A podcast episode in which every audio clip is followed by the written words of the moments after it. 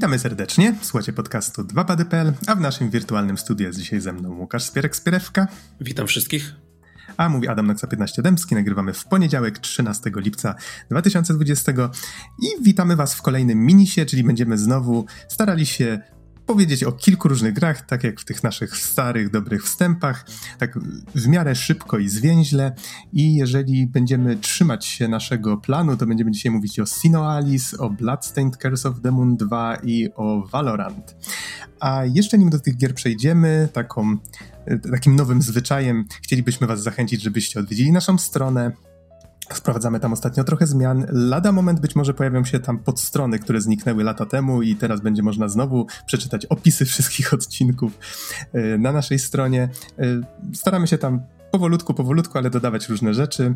E, zapraszamy też na naszego Facebooka, na naszego Twittera. Dzielcie się feedbackiem na temat odcinków czy na temat zmian, które wprowadzamy na stronie. Zachęcamy też do tego, żeby zaglądać na naszego YouTube'a, na który wrzucamy odcinki w tym samym czasie, kiedy trafiają też do wszystkich apek podcastowych na Spotify, czy e, jeżeli macie jakąkolwiek apkę, która korzysta z RSS-a, też nas tam znajdziecie. Na YouTubie oczywiście zachęcamy do subskrybowania naszego kanału i ostatnio założyliśmy sobie również konto na Patronite, jeżeli tylko chcecie wesprzeć nas finansowo, tam właśnie macie taką szansę.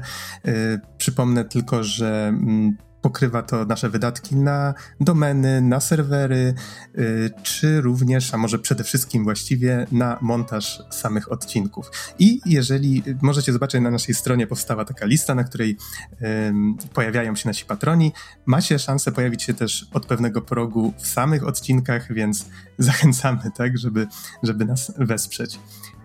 I oczywiście dziękujemy bardzo wszystkim, którzy już to zrobili.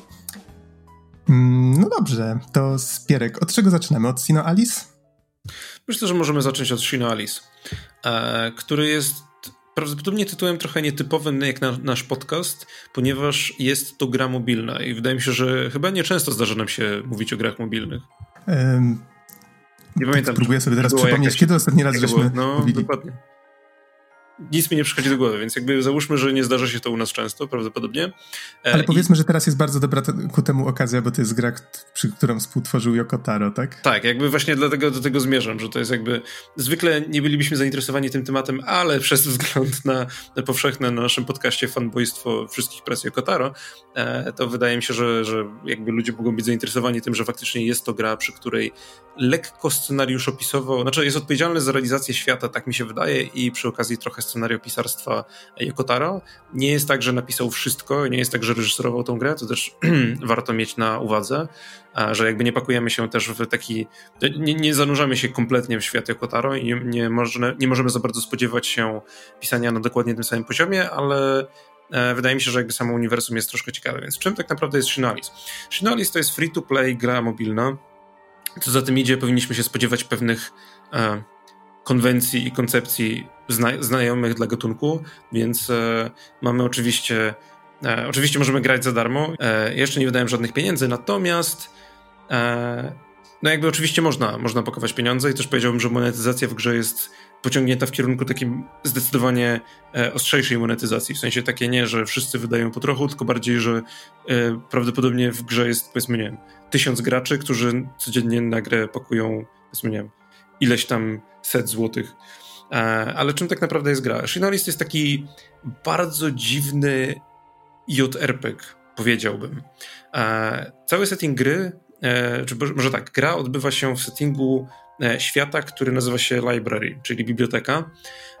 I założenie świata jest takie, że mamy taki właśnie pokręcony świat, w którym bohaterki, bo przede wszystkim są to bohaterki, z różnych powieści i baśni e, trafiają razem do tego świata i następnie i każda jakby dostaje dostaje cel, czy może obiera sobie cel, którym jest zmartwychwstanie autora, który napisał jej baśnie. Więc na przykład mamy Czerwonego Kapturka, mamy na przykład Alicję w Krainie Czarów, mamy Śpiącą Królewnę, e, mamy też na przykład trochę bardziej japońskie mity, takie jak na przykład Księżniczka Kaguya i każda z nich e, jakby idzie przez ten świat, zabijając ze sobą setki, tysiące e, potworów, które nazywane są koszmarami. I e, jakby celem, celem tego wszystkiego jest to, że jakby obiecane jest im, że jeżeli zabiją wystarczająco dużo przeciwników, to będą mogły zmartwychwstać swojego autora i każdy jakby chce czegoś od swojego autora, więc jakby celem tego zmartwychwstania jest to, żeby autor napisał im jakby kontynuację ich baśni, w której dostają to, czego chcą. Ale też przy okazji jakby każda z tych baśni w takim typowo, jako, typowo jokotarowym stylu jest powykręcana na różne strony, gdzie na przykład właśnie e, dajmy na to, każda, każda z tych dziewczyn, może bardziej każda z tych bohaterek jest e, też uosobieniem jakiegoś, może nie do końca grzechu, ale jakiejś cechy negatywnej. Dajmy na to na przykład księżniczka, e, która jest oczywiście związane po części z czymś, co tam gdzieś tam w tej baśni tkwiło. Na przykład e, czerwony kapturek jest e, e, jakby jest utożsamiany z brutalnością. Więc w tej reprezentacji czerwonego kapturka jest niewielką dziewczynką, która jest opanowana rządzą e, brutalnego mordowania czegokolwiek, co napotka na swoim ciele. I zachowuje się, jakby była no, nie do końca spełna umysłu. I jakby jej celem jest to, że chce, żeby jej autor napisał jej kontynuację jej przygód, gdzie będzie mogła po prostu dalej mordować wszystkich, jakiej się podoba. Mamy na przykład... E... to, to, to brzmi tak, dokładnie to brzmi tak, jak, jak wspominam czerwonego kapturka z dzieciństwa. tak. tak, tak, dokładnie no. tak. E, mamy na przykład e, Królewną Śnieżkę, która jest e, reprezentacją e, sprawiedliwości, ale takiej sprawiedliwości pociągniętej do granic, gdzie jakby za najmniejsze przewinienie odpowiada się śmiercią, więc ona jakby też idzie i chce szerzyć tą swoją wizję sprawiedliwości na całym świecie. E, I oczywiście jakby reszta, reszta kasty jest podobnie pokręcona. E, natomiast jakby jak wygląda sam gameplay, e, sama rozgrywka w Shinoalis to jest właśnie taki joterpek, ale taki trochę dziwny, gdzie jakby mm, gra jest bardzo fabularna i mamy jakby główną fabułę podzieloną właśnie na każdą z tych bohaterek, gdzie każda z nich ma swoje jakby rozdziały historii, które możemy przechodzić po kolei. Każda dostaje cztery rozdziały, po czym wszystkie te ścieżki zbiegają się na koniec, znaczy powiedzmy tak, gra jest w ogóle podzielona na akty, każdy akt zawiera 8 ścieżek, te ścieżki są podzielone właśnie na cztery rozdziały, więc na przykład powiedzmy Alicja ma swoje cztery rozdziały, y, tam, tam Księżniczka Kaguya ma swoje cztery rozdziały.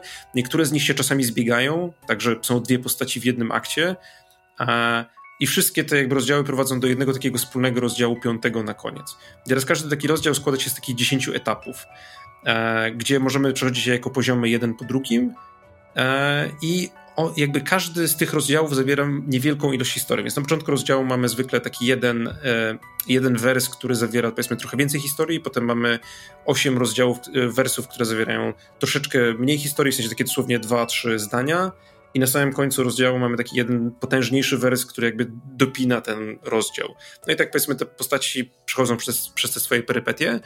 I to jest to interesujący pomysł, bo to jakby rozbija taką dosyć dużą ilość fabuły na e, powiedzmy kawałki gameplayu, które możemy przechodzić dosłownie po minucie. Czasami, jeżeli mam minutę albo trzy minuty, to jakby możemy wchłonąć kolejny etap tej opowieści dla danej postaci. Natomiast jakby z doświadczenia, tak jak gram, to jest to trochę męczące, że kiedy idziemy przez tą rozgrywkę, to wydaje mi się, że jakby ten gameplay przynajmniej tak jak ja gram, to ten gameplay trochę wytrąca mnie z tej równowagi i wydaje mi się, że ja preferowałbym opcję, gdzie mogę najpierw przejść ten cały gameplay, a potem sobie na spokojnie przeczytać to, co jest, bo, bo to, co teraz mamy, to jest właśnie sytuacja, w której jest troszkę fabuły i potem jest, powiedzmy, są dwie minuty gameplayu. Potem jest znowu troszkę fabuły i są dwie minuty gameplayu ja zdążam zapominać, co na przykład było na początku tego rozdziału, bo to było pół godziny wcześniej, ale tego tekstu jest za mało, żeby on mi się wrył w pamięć. E, więc, okay. więc sytuacja jest trochę kuriozalna. Ale co tak naprawdę robimy w tym, w tym gameplayu? E, my tak naprawdę właśnie, tak jak mówię po raz trzeci, bo staram się jakby dobrze sobie to ułożyć w głowie, e, gramy w takiego dziwnego JRPGa, gdzie mamy pięć postaci, jedną z nich jesteśmy my, i jakby my sterujemy tylko sobą, a pozostałe pięć postaci to są NPC sterowane, znaczy y, sterowane przez AI NPC, E, które należą do innych graczy, więc jakby gra na początku każdego etapu zasysa jakby e, sobie jakichś losowych graczy z internetu. On, o podobnym poziomie co nasza, e, nasza postać i oni jakby grają na automacie, a my sterujemy swoją postacią. I po, po drugiej stronie areny stają przeciwnicy E, którzy mają różne żywioły. Więc oni mogą na przykład występować w wariancie czerwonym, ognistym, zielonym, e, wietrznym albo niebieskim wodnym i to jest taki właśnie trochę kamień, kamień pornożyce, gdzie ogień pobija wiatr, wiatr pobija wodę, etc., etc. I teraz na samym dole ekranu mamy taki pasek, którym są które są de facto, które jest de facto kartami. W sensie mamy tam pięć różnych kart, które jakby wychodzą z naszego deku. I te karty reprezentują różne bronie, bo to, co tak naprawdę robimy w tej grze, to zbieramy różne bronie i następnie ulepszamy te bronie i ładujemy sobie je do takiej talii i one są losowo nam wyrzucane w trakcie rozgrywki. I teraz my jakby klikając na te bronie, odpalamy je w kierunku przeciwnika, które może być albo losowo wskazane, albo możemy wybrać, w kogo chcemy celować.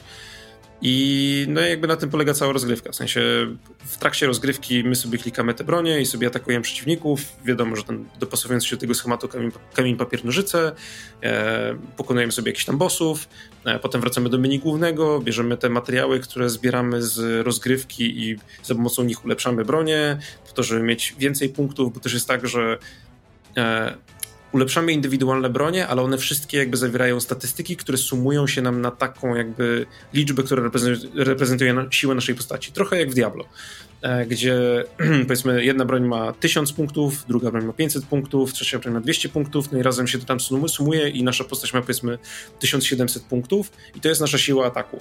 I wszystkie bronie atakują jakby tą siłą ataku, a nie, że każda indywidualnie. Tylko, że bronie też mają jakieś tam swoje umiejętności, więc wiadomo, że jest jakaś tam minimalna różnica, jeżeli ich używamy. E, ale to, do czego się to sprowadza, to jest właśnie taki bardzo dziwny system, gdzie gra de facto polega na tym, że cały czas przechodzimy, znaczy przechodzimy tą główną fabułę, ale też przechodzimy jakieś tam eventy, które się odbywają i na przykład trwają dwa tygodnie. Jakby cały czas staramy się wzmacniać te swoje bronie po to, żeby mieć wyższe numerki, po to, żeby móc przechodzić coraz trudniejsze etapy. E, I jest to jest to o tyle dziwne, że sama gra jakby tu już, tu już powoli zmierzam do końca. Wiem, że Nox trochę na mnie łypie wzrokiem, bo, bo miałem się streszczać, bo znowu, wychodzi już z tego bardziej recenzja niż, niż taki mini.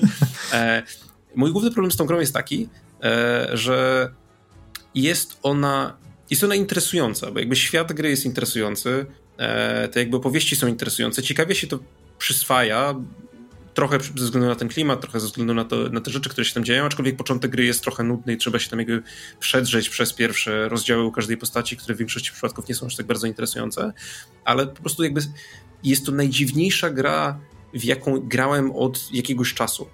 Po prostu ze względu na to, jak jest skonstruowana. W sensie e, nie ma tutaj za bardzo elementów zręcznościowych. Jest jakiś tam element strategiczny, gdzie musimy właśnie, powiedzmy, używać odpowiednich broni w odpowiednich miejscach, ale de facto można, tą, można w tą grę grać na takim jakby autopilocie. E, nie ma tutaj tego, co na przykład jest standardem w innych grach typu free-to-play mobilnych, gdzie na przykład, e, dajmy na to, płacimy pieniądze po to, żeby dostać postać, która, na której nam bardzo zależy, tak jak na przykład powiedzmy Fire Emblem Heroes, które jakby opiera się tylko na tym, że zbieramy sobie postacie, których chcemy e, z lepszych lub gorszych powodów. Tutaj to, co zbieramy, to są te bronie. I teraz niektóre z tych broni odblokowują nam niektóre z tych postaci, ale większość broni tego nie robi. Więc jakby jeżeli ktoś chce naprawdę w to inwestować, to powiedzmy przepala pieniądze, e, dostając właśnie kupę złomu, czyli tych broni i licząc na to, że być może będzie jakaś tam minimalna procentowa szansa, że wypadnie jej właśnie ta postać, którą ona chce. Ale te postaci i tak nie zmieniają aż tak dużo.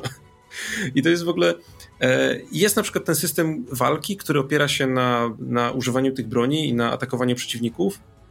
E, no ale tak jak mówiłem, nie jest to, nie jest nie jest to coś bardzo strategicznego, nie jest to gameplay, który jest bardzo angażujący. Po prostu jakby klikamy i y, przeklikujemy się, żeby dostać się do kolejnej części fabuły, ale tej fabuły też nie ma aż tak dużo. I to jest w ogóle nie wiem, jest to tak niesamowicie dziwna, dziwna gra, że wydaje mi się, że trzeba trochę zobaczyć samemu, szczególnie, że premiera miała, premiera globalna, bo w Japonii gra już y, funkcjonuje od chyba trzech lat, ale premiera globalna tej gry miała miejsce w 1 lipca, więc niespełna dwa tygodnie temu. E, wydaje mi się, że trzeba sobie zobaczyć, czy to jest jakby coś dla was. Ja jakby gram z nadzieją, że potem będzie trochę lepiej, ale też nie mogę tak jakby jednoznacznie, wydaje mi się, że jej polecić. Nie, to się mm -hmm. zagmatwałem. Jest, jest dużo tutaj, dużo się tam dzieje. A, a powiedz mi, ile z nią spędziłeś tak mniej więcej? Wiesz co, Jesteś ciężko... w stanie to oszacować? Poczekaj, daj mi chwilkę, ponieważ chciałem powiedzieć, że ciężko jest mi to zaproksymować, ale prawda jest taka, że ostatnio iPhone, znaczy ostatnio, jakiś czas temu iPhony wprowadziły ten system, który liczy ci czas spędzony w aplikacji, więc jak tylko przeklikam się tutaj Okej, okay, to ty zobacz, a ja w tym czasie powiem, że y, faktycznie, tak jak mówiłeś, gra w Japonii ukazała się 6 czerwca 2017, więc 3 lata temu. Y, mhm. I można w nią zagrać na Andro Androidzie i iOSie. I jeszcze taka ciekawostka, o której chyba nie wspomniałeś, że jednym z kompozytorów jest Keiichi Okabe, tak, czyli tak. twórca muzyki do Niera, Niera Automaty, mhm. Drakengard 3. Tak, dokładnie tak. Co, pokazuje mi, że nie, nie, nie, nie widzę tutaj opcji, żeby sprawdzić jakby kompletny czas spędzony, ale pokazuje mi, że przez ostatni tydzień spędziłem z grą średnio godzinę 12 dziennie, więc tak szacowałbym, że wpakowałem w nią już tak powiedzmy 12 godzin. Okay. E, ale też sporo z tego czasu to jest na przykład, bo to jest jedna z tych gier mobilnych, która też jakby trochę wie, że jest to gra trochę o tym, że się marnuje w niej czas, więc na przykład e, jeżeli gram w fabułę i jakby jest nowa fabuła, którą śledzę, to gram aktywnie ale powiedzmy, jeżeli mam e, staminę do wydania, to na przykład zostawiam sobie telefon z boku i odpalam tryb auto. Jest tam dosłownie przycisk auto, który pozwala ci przechodzić etapy, które już zrobiłeś na takim autopilocie właśnie, że AI gra za ciebie, ale trochę wolniej niż ty mógłbyś grać normalnie. Więc e, trochę tego czasu pewnie też nabiło się w ten sposób. Okej, okay, trochę, trochę się zaczynam zastanawiać, bo z jednej strony mówisz ten fajny świat, że tak cię to bardzo wciągnęło, z drugiej strony właśnie, że to jest taka trochę jednak monotonna gierka mobilna, tak jak wiele innych i że tam w pewnym momencie pewnie spotykasz się z tym Tak, właśnie to jest jakby, tak? to, to, jest też to, że tam, no mówię, w sensie nie jest też tak angażująca i są, moim zdaniem też to nie jest najlepszy wehikuł do dostarczania tego typu fabuły, ale jest też na tyle dziwnym, dziwną rzeczą samą w sobie, że ciężko mi jest jakby ją jednoznacznie skreślić. W sensie po prostu mhm. it's some weird fucking shit. Ale każdy może sobie za darmo to sprawdzić. Każdy tak? może sobie za darmo i tak jak mówię, w sensie już trochę pograłem i nie wydałem jeszcze ani, ani grosza na grę. E, podejrzewam, że w przyszłości pewnie wrzucę w nią trochę pieniędzy, chociażby za to, żeby jakby odwdzięczyć się za ten czas, który e, wpakowałem.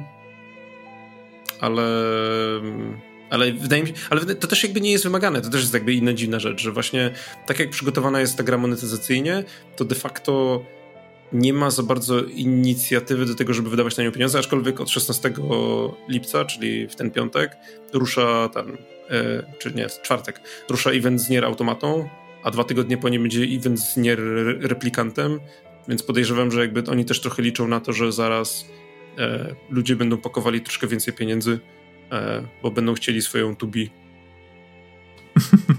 Okej, okay. no dobrze. Trochę czasu mi ukradłeś, więc będę musiał się bardzo streszczać ze, swoim, ze swoimi pierwszymi wrażeniami. Um, ja chciałem opowiedzieć o Bloodstained Curse of the Moon 2. Jedynkę już recenzowaliśmy, czy właściwie ja recenzowałem na podcaście i no dość mocno się nad nią rozpływałem, nawet żartowałem pod koniec tej recenzji, że będzie zabawnie, jak się okaże, że Curse of the Moon, czyli właśnie taki oldschoolowy e, produkt, zrobiony specjalnie tak, jakby wygląda jak gra NESowa na Pegasusa, e, że okaże się lepszy niż ten pełnoprawny Bloodstained, który powstał w tym samym czasie, czyli właśnie Ritual of the Night, który miał być taką, taką Metroidvanią w stylu Castlevania Symphony of the Night, zresztą ten sam twórca i, i tak dalej. Wielki powrót, e, bardzo udany Kickstarter.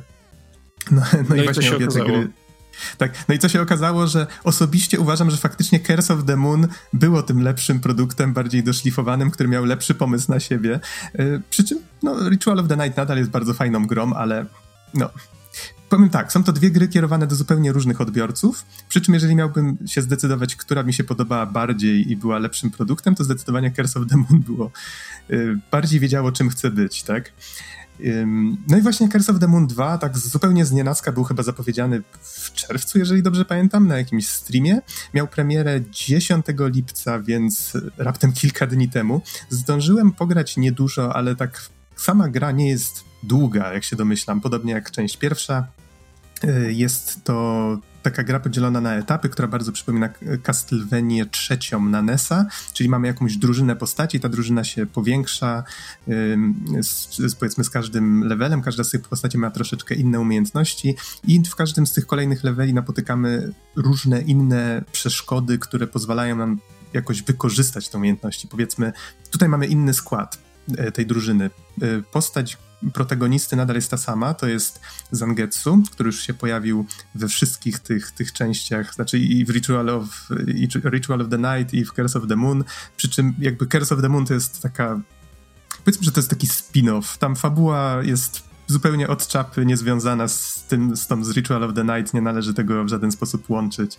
E, to jest takie po prostu dl dla zabawy, tak? E, w dwójce on powraca, znowu zbiera drużynę różnych osób, które do niego dołączają. Jest to e, chociażby, nie pamiętam jak się nazywał, ale jakiś strzelec, który pozwala nam likwidować przeciwników na dużą odległość. On potrafi też robić wall jumpy, odbijać się od ścian, potrafi się przeczołgiwać powiedzmy pod jakimiś przeszkodami. Jest też, rany zapomniałem jak ona się teraz nazywała, postać, która była już w Ritual of the Night, e, tutaj powraca i, i robi za maga ma jakieś takie właśnie umiejętności, których pozostałe postacie też nie mają. Same levele nadal są bardzo fajnie skonstruowane w taki sposób, że każdy pokój jakby w jakiś tam sposób wykorzystuje te umiejętności i czasami jak przechodzimy grę po raz pierwszy może się okazać, że nie będziemy korzystać z tych które potencjalnie są najlepsze do danej sytuacji, tylko się męczymy jakimiś innymi, a potem zmieniamy powiedzmy postać, albo postać może nam zginąć.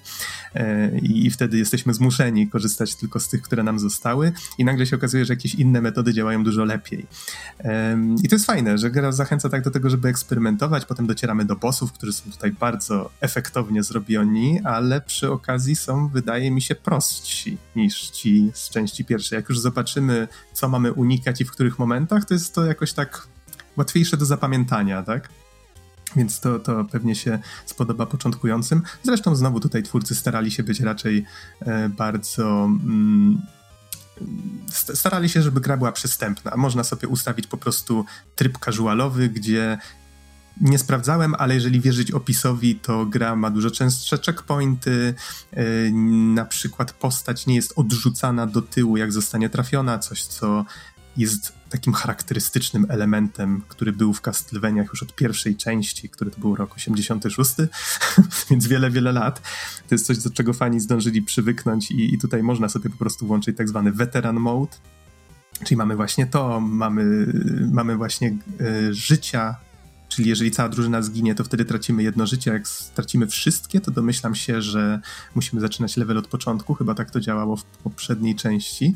Mam nadzieję, że tutaj czegoś nie przekręciłem. No niemniej można sobie dostosować to, e, to doświadczenie tak, jak się chce. I już gra tak zdaje się sugerować, że powraca pomysł na różne. Może tryby to za dużo powiedziane. To działało w ten sposób, że zaczynaliśmy tę grę za każdym razem od nowa, ale ona troszeczkę zmieniała historię i trochę zmieniała warunki, y, w jakich, musieliśmy, w jakich musieliśmy grać. Czyli dajmy na to od początku, w pierwszej części było tak, że od początku samego mieliśmy już całą drużynę kompletną i to zmieniało nawet sposób, w jaki eksplorowaliśmy pierwszy level. A każdy z tych leveli ma różne ścieżki, możemy się na przykład dostać do jakichś schodów albo nie dostać. To jest fajne, bo gra tutaj już nawet na pierwszym ekranie y, nam sugeruje, że hej, zobacz, tam pod podłogą są jakieś schody. Mm, mm, spróbuj to zapamiętać, tak? Może ci się to kiedyś przyda. E, więc to jest całkiem, całkiem fajne. Mm, I tutaj widać właśnie już w menu jest kilka slotów na jakieś różne rzeczy. Domyślam się, że gra będzie się zaczynać kilka razy od nowa, za każdym razem z jakimiś innymi e, postaciami. Zresztą ze zwiastuna wynika, że po pierwsze wracają postacie z pierwszej części, bo tutaj te, te co wspomniałem, to jest zupełnie nowy skład Aha, do tego składu zalicza się jeszcze e, mały piesek, który pilotuje wielkiego robota, ale nie pytajcie. Właśnie miałem Japonia. nadzieję, że o tym wspomnisz, bo jakby z wszystkiego, co widziałem przed releasem gry, to mnie interesowało najbardziej. W sensie, to jest tak, pies w robocie, co... czemu nikt o tym nie mówi? Do, dopiero co dostałem tę postać, więc prawie o niej zapomniałem, ale, ale tak, to jest, to, to jest sympatyczny mały dodatek.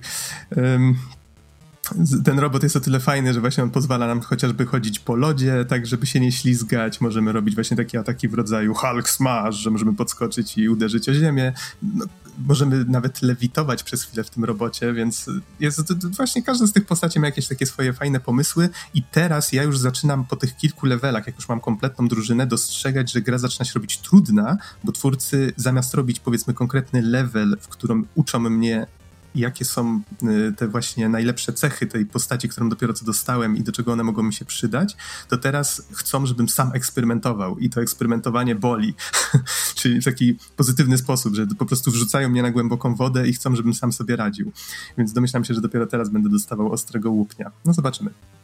Yy, niemniej ze zwiastuna też wynikało, że wrócą te postacie z poprzednich części, z poprzedniej części, więc domyślam się, że to będzie właśnie jeden z tych dodatkowych trybów, że całą grę będzie można przejść jeszcze raz właśnie z zupełnie innymi postaciami i yy, no, jeżeli, jeżeli się sugerując tym, jak, w jaki sposób było pierwsze Curse of the Moon zaprojektowane, to domyślam się, że yy, tutaj też będzie to bardzo fajnie zmieniało sposób, w jaki się będzie to grało. Czyli będzie się chciało to zrobić po prostu dlatego, że będzie to zupełnie inny, inny typ wyzwania, że będę widział, że ok, to jest ten sam level, ale, ale sposób sposób tam powiedzmy możliwości, jakie są mi dane, tak, zupełnie zmieniają sposób, w jaki się ten level przechodzi, więc to jest, to jest spoko. I inna rzecz bardzo ważna, chyba, którą już powinienem zakończyć te pierwsze wrażenia, to to, że gra ma tryb dla dwóch graczy. I to jest bardzo duża zmiana, której niestety nie miałem okazji jeszcze przetestować. I domyślam się, że każdy z graczy może w tym samym czasie właśnie kierować inną z tych drużyn. I to może być dość ciekawe. Właśnie chciałbym przed zrecenzowaniem tej gry, mam nadzieję, na podcaście, yy, sprawdzić ten tryb, bo wydaje mi się to taka naj, najważniejsza zmiana. A póki co wydaje mi się, że mogę was zostawić właśnie z tym, co teraz powiedziałem. Myślę, że jak ktoś grał w pierwsze Curse of the Moon i mu się podobało, no to po prostu tutaj po prostu bierzcie w ciemno i się nie zastanawiajcie, tak? Jest, jest fajnie. A trochę więcej szczegółów powiem wam na pewno przy jakiejś kolejnej okazji. I wydaje mi się, że najwyższa pora, żebyśmy przeszli do trzeciej gry i już prawdopodobnie trzeciej ostatniej. ostatniej. Tak, tak. Tak. To o czym chciałbyś teraz powiedzieć? To ja w takim razie opowiem troszkę o Valorant, w które miałem ostatnio okazję zagrać. E, nie jest to już taki super nowy tytuł, ponieważ był w becie przez jakiś czas, chyba w maju, tak mi się wydaje, nie jestem do końca pewien. I... To znaczy widzę na wiki, że mhm. jest jako premiera 2 mm, czerwca podany. Tak, to wydaje mi się, że przez cały maj był w, e, w becie, do której dosyć łatwo było się dostać, bo na Twitchu można było zgarnąć sobie kod i potem właśnie w czerwcu gra została faktycznie wypuszczona do szerokiej publiki i wtedy mniej więcej ja zacząłem się w nią, e, w nią trochę bawić. E, I jeżeli ktoś jakimś cudem mieszkał pod kamieniem i nie słyszał o Valorant, to jest to co jeżeli Counter-Strike, ale też Overwatch. To jest chyba takie naj, najprostsze porównanie. Bo... Zadam to pytanie inaczej. Co jeżeli ludzie od yy... League of Legends League of, League of Legends wezmą się za stworzenie własnego Counter-Strike'a, tak? To jest też bardzo dobre porównanie. E, generalnie, jeżeli miałbym właśnie powiedzieć e, trochę o Valorancie, no to to jest e, jakby uderzające jest to, jak bardzo ta gra jest podobna do Counter-Strike'a. Do tego stopnia, że pomimo tego, że jest to tak zwany hero shooter, czyli właśnie gra FPS kompetytywna, w której mamy różne postacie, w które możemy się wcielać i każda z tych postaci ma jakby swój unikalny wygląd, ale też e, umiejętności i jakieś tam backstory, to tak naprawdę e, i te postaci mają jakieś tam pewne znaczenie na to, mają jakiś pewien wpływ na to, co, co jakby możemy zrobić, to ta różnica jest na przykład dużo mniejsza niż w przypadku Overwatcha, przynajmniej moim zdaniem że jakby w Overwatchu faktycznie, bo na przykład w Overwatchu każda, każda postać ma swoje indywidualne bronie, więc kiedy, kiedy na przykład bierzesz jakąś tam postać zamiast innej, no to faktycznie nie tylko wybierasz umiejętności, ale też wybierasz jakby cały arsenał. Podczas kiedy w Valorant e, wszystkie postaci mają współdzielony arsenał, w sensie e, każda z postaci może mieć dokładnie takie same bronie. Jedyne czym się różnią to są umiejętności, a też te umiejętności nie są aż tak nazwałbym to groundbreaking, w sensie e, ja to czasami opisuję jako każda z postaci ma de facto swój, swoje własne warianty granatów dymnych. I one mają jakieś takie minimalne różnice między sobą, ale to nie jest to, to nie jest kwestia, gdzie powiedzmy można faktycznie e, drastycznie przegrać, bo przeciwnicy mają na przykład e, zestaw postaci, która nas kontruje, tylko to jest bardziej sytuacja, w której 90% naszych umiejętności to jest to, jak dobrze strzelamy, a pozostałe procenty to jest to, jak e, powiedzmy, jak dobrze sobie radzimy w tym, e, z, jakby z umiejętnościami naszej postaci. E, I Arsenał też jest taki dosyć counter-strike'owy, w sensie na przykład mamy, oczywiście nazwy są inne, ale na przykład mamy dosłownie na przykład odpowiednik, nie wiem, AK-47 albo odpowiednik AWP, czyli snajperki, która jest w stanie zabić większość graczy na jeden, na jeden strzał. Mamy odpowiednik Desert Eagle'a, I jakby te wszystkie, jeżeli ktoś grał w Counter-Strike'a i przesiadłby się do Valorantu, to jakby minus właśnie te, te umiejętności postaci, jeżeli chodzi o gunplay, prawdopodobnie czułby się dosyć jak w domu.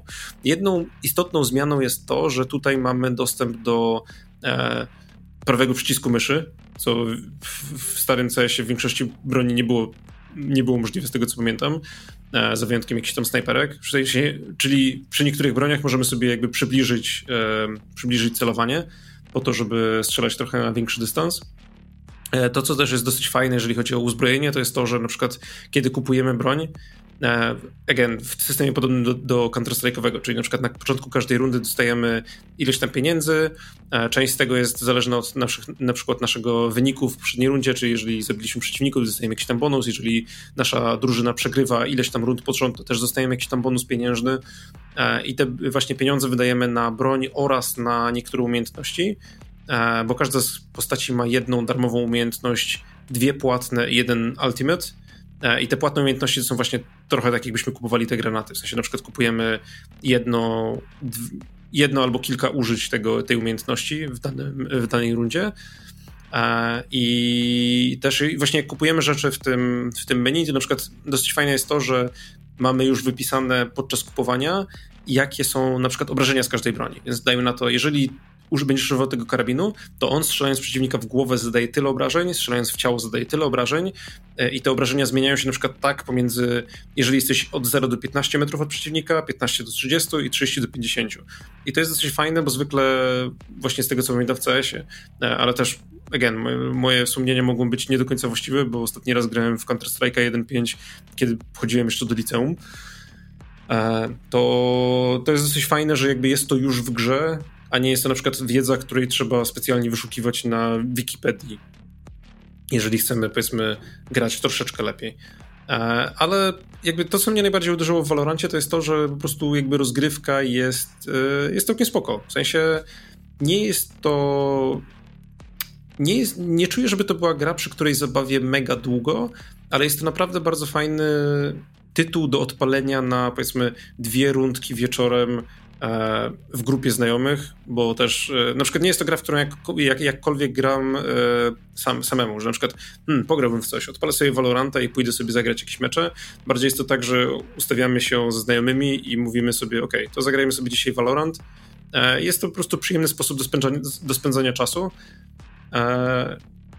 Szczególnie, że no właśnie ta rozgrywka jest tak całkiem, całkiem dobrze przygotowana. Natomiast y, mam, to nie, to nie oznacza, że nie mam do tej gry zastrzeżeń. W sensie e, jedno na pewno, co mnie trochę uderza w tej grze, to jest to, że uważam, że aktualnie sposób, w jaki zrobiono, mm, nazwijmy to, o, jest na to jakieś ładne słowo, ale teraz nie mogę sobie przypomnieć. Cały czas w głowie siedzi mi retencja, ale to nie jest retencja. E, to słowo, o które mi chodzi, to jest. E, no nie wiem, utrzymywanie gracza. Znaczy, nie retencja w tym sensie, ale jakby motywacja do tego, żeby grać w tą grę dalej. Chyba e, wiem o co ci chodzi, ale też nie pamiętam, jak to tak. się ładnie określało. Mój punkt jest taki, że aktualnie jakby w tą grę bardzo dobrze mi się gra właśnie jak, tak, tak jak w oryginalnego Counter-Strike'a, ale i w swojej obecnej formie nie uważam, żeby miała długą, znaczy znaczną długożytność. W sensie mechanicznie gra jest solidna, ale do, aktualnie w grze znajdują się tylko cztery mapy, więc my już widzieliśmy parę razy, więc już jakby. To, znaczy, nie mogę też powiedzieć, że mam te ma mapy opanowane na, na 100%, ale jakby czuć, że no fajnie byłoby mieć coś jeszcze. Że tak brakuje trochę, tych, trochę tego kontentu. E, jest w grze oczywiście Battle Pass, jak w, każdym, w każdej grze teraz, kiedykolwiek.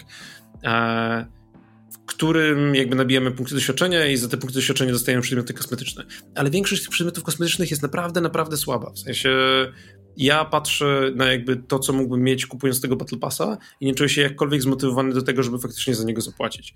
I Mam wrażenie, że mówiłeś dokładnie to samo, jak wyszedł jakby, Apex Legends. Tak, i Apex miał dokładnie ten sam problem i Apex jakby nie utrzymał mnie przy sobie, ale wydaje mi się, że w Apexie jeszcze było to, że on troszkę, mm, nazwijmy to, trochę szybciej się tam wbijało rzeczy, a czuję, że w Valorancie to jest takie faktycznie brnięcie w przez smołę, że tak faktycznie kończymy mecz i moja postać dostaje powiedzmy tam, nie wiem, pół paska progresu i myślę sobie, o, to, to jeszcze trzeba trochę pograć.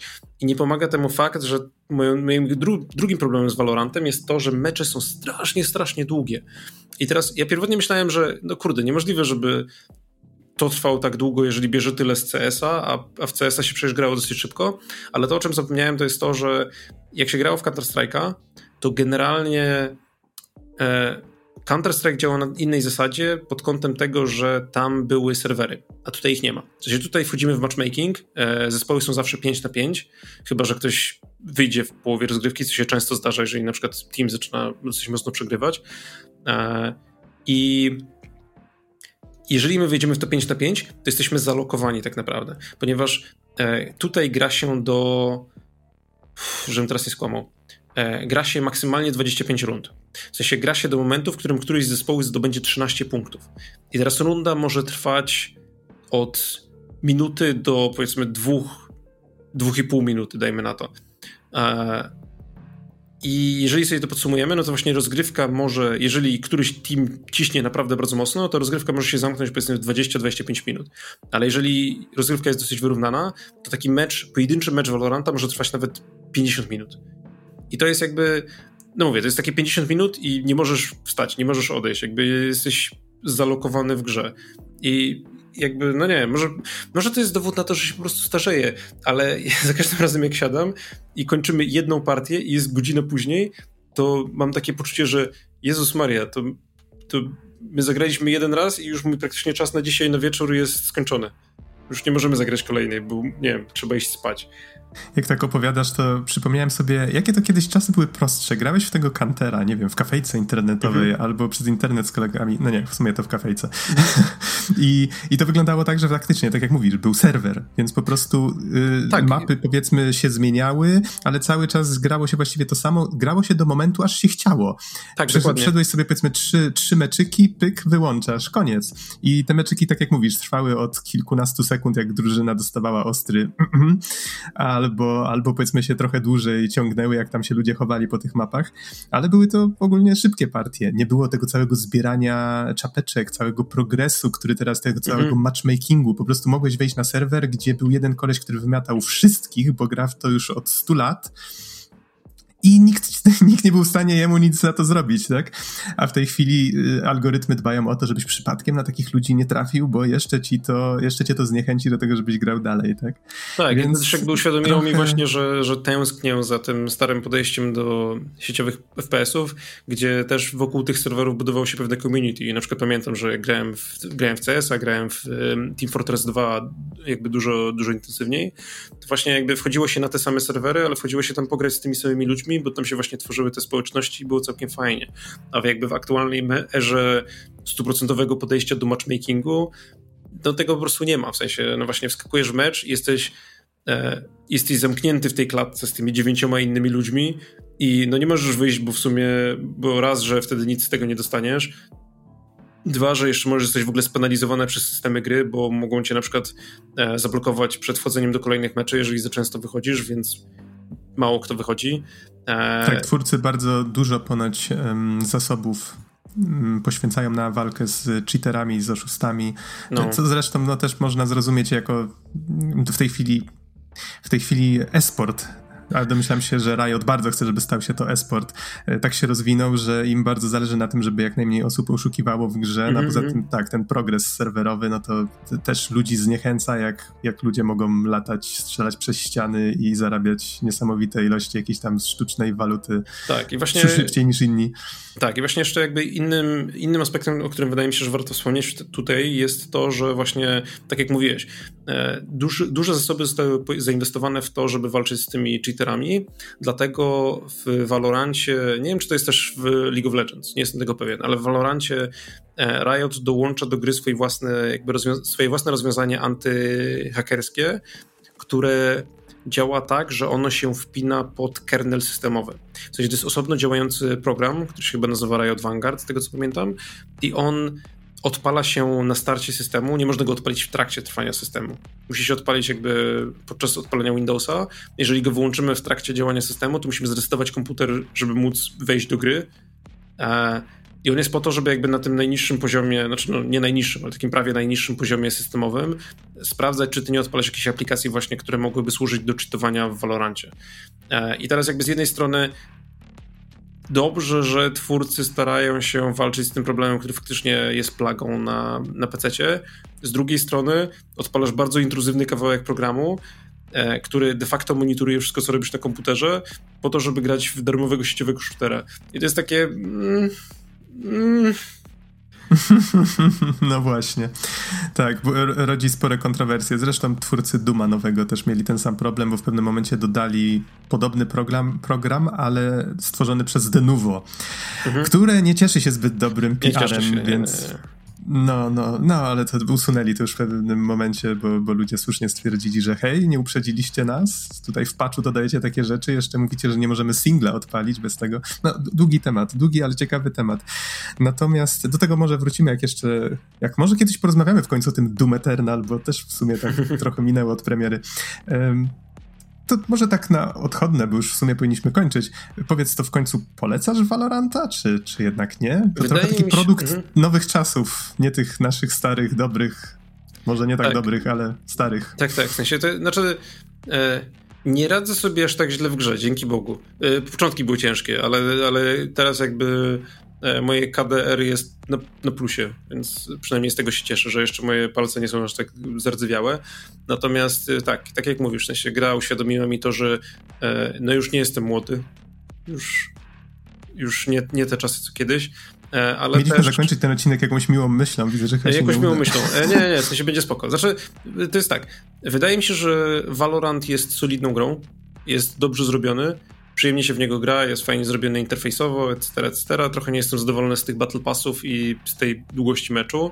E, wydaje mi się, że jest ciężki do polecenia, jeżeli planujecie grać w tę grę samemu. Wydaje mi się, że przede wszystkim jakby jeżeli ktoś planuje grać właśnie ze znajomymi, to jest to spoko gra do grania w. Tak bym powiedział, że no mówię, w sensie za każdym razem, kiedy odpalamy Valoranta i kiedy gramy sobie w niego wieczorkiem, chyba, że dostajemy taki absolutny łomot, bo takie się też zdarzają.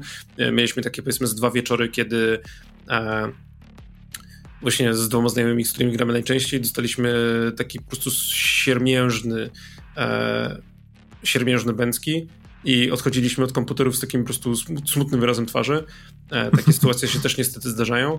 E, natomiast generalnie jakby jest to po prostu good time, kiedy sobie tam strzelamy, mówimy sobie o good job, o uważaj, bo do ciebie idą e, i jakoś to tam idzie do przodu.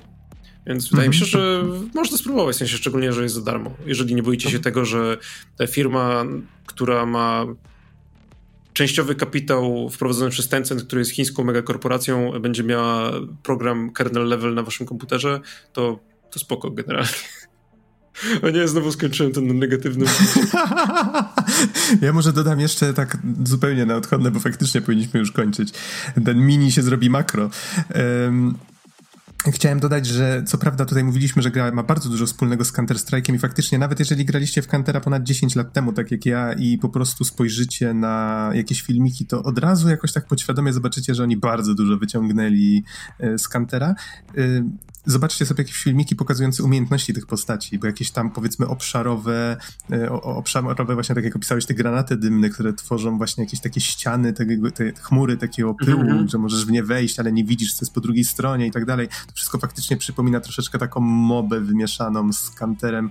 No, jeżeli to, co, o czym mówiliśmy, wydaje wam się ciekawe z samego opisu, zobaczcie, może, może was to zainteresuje, tak?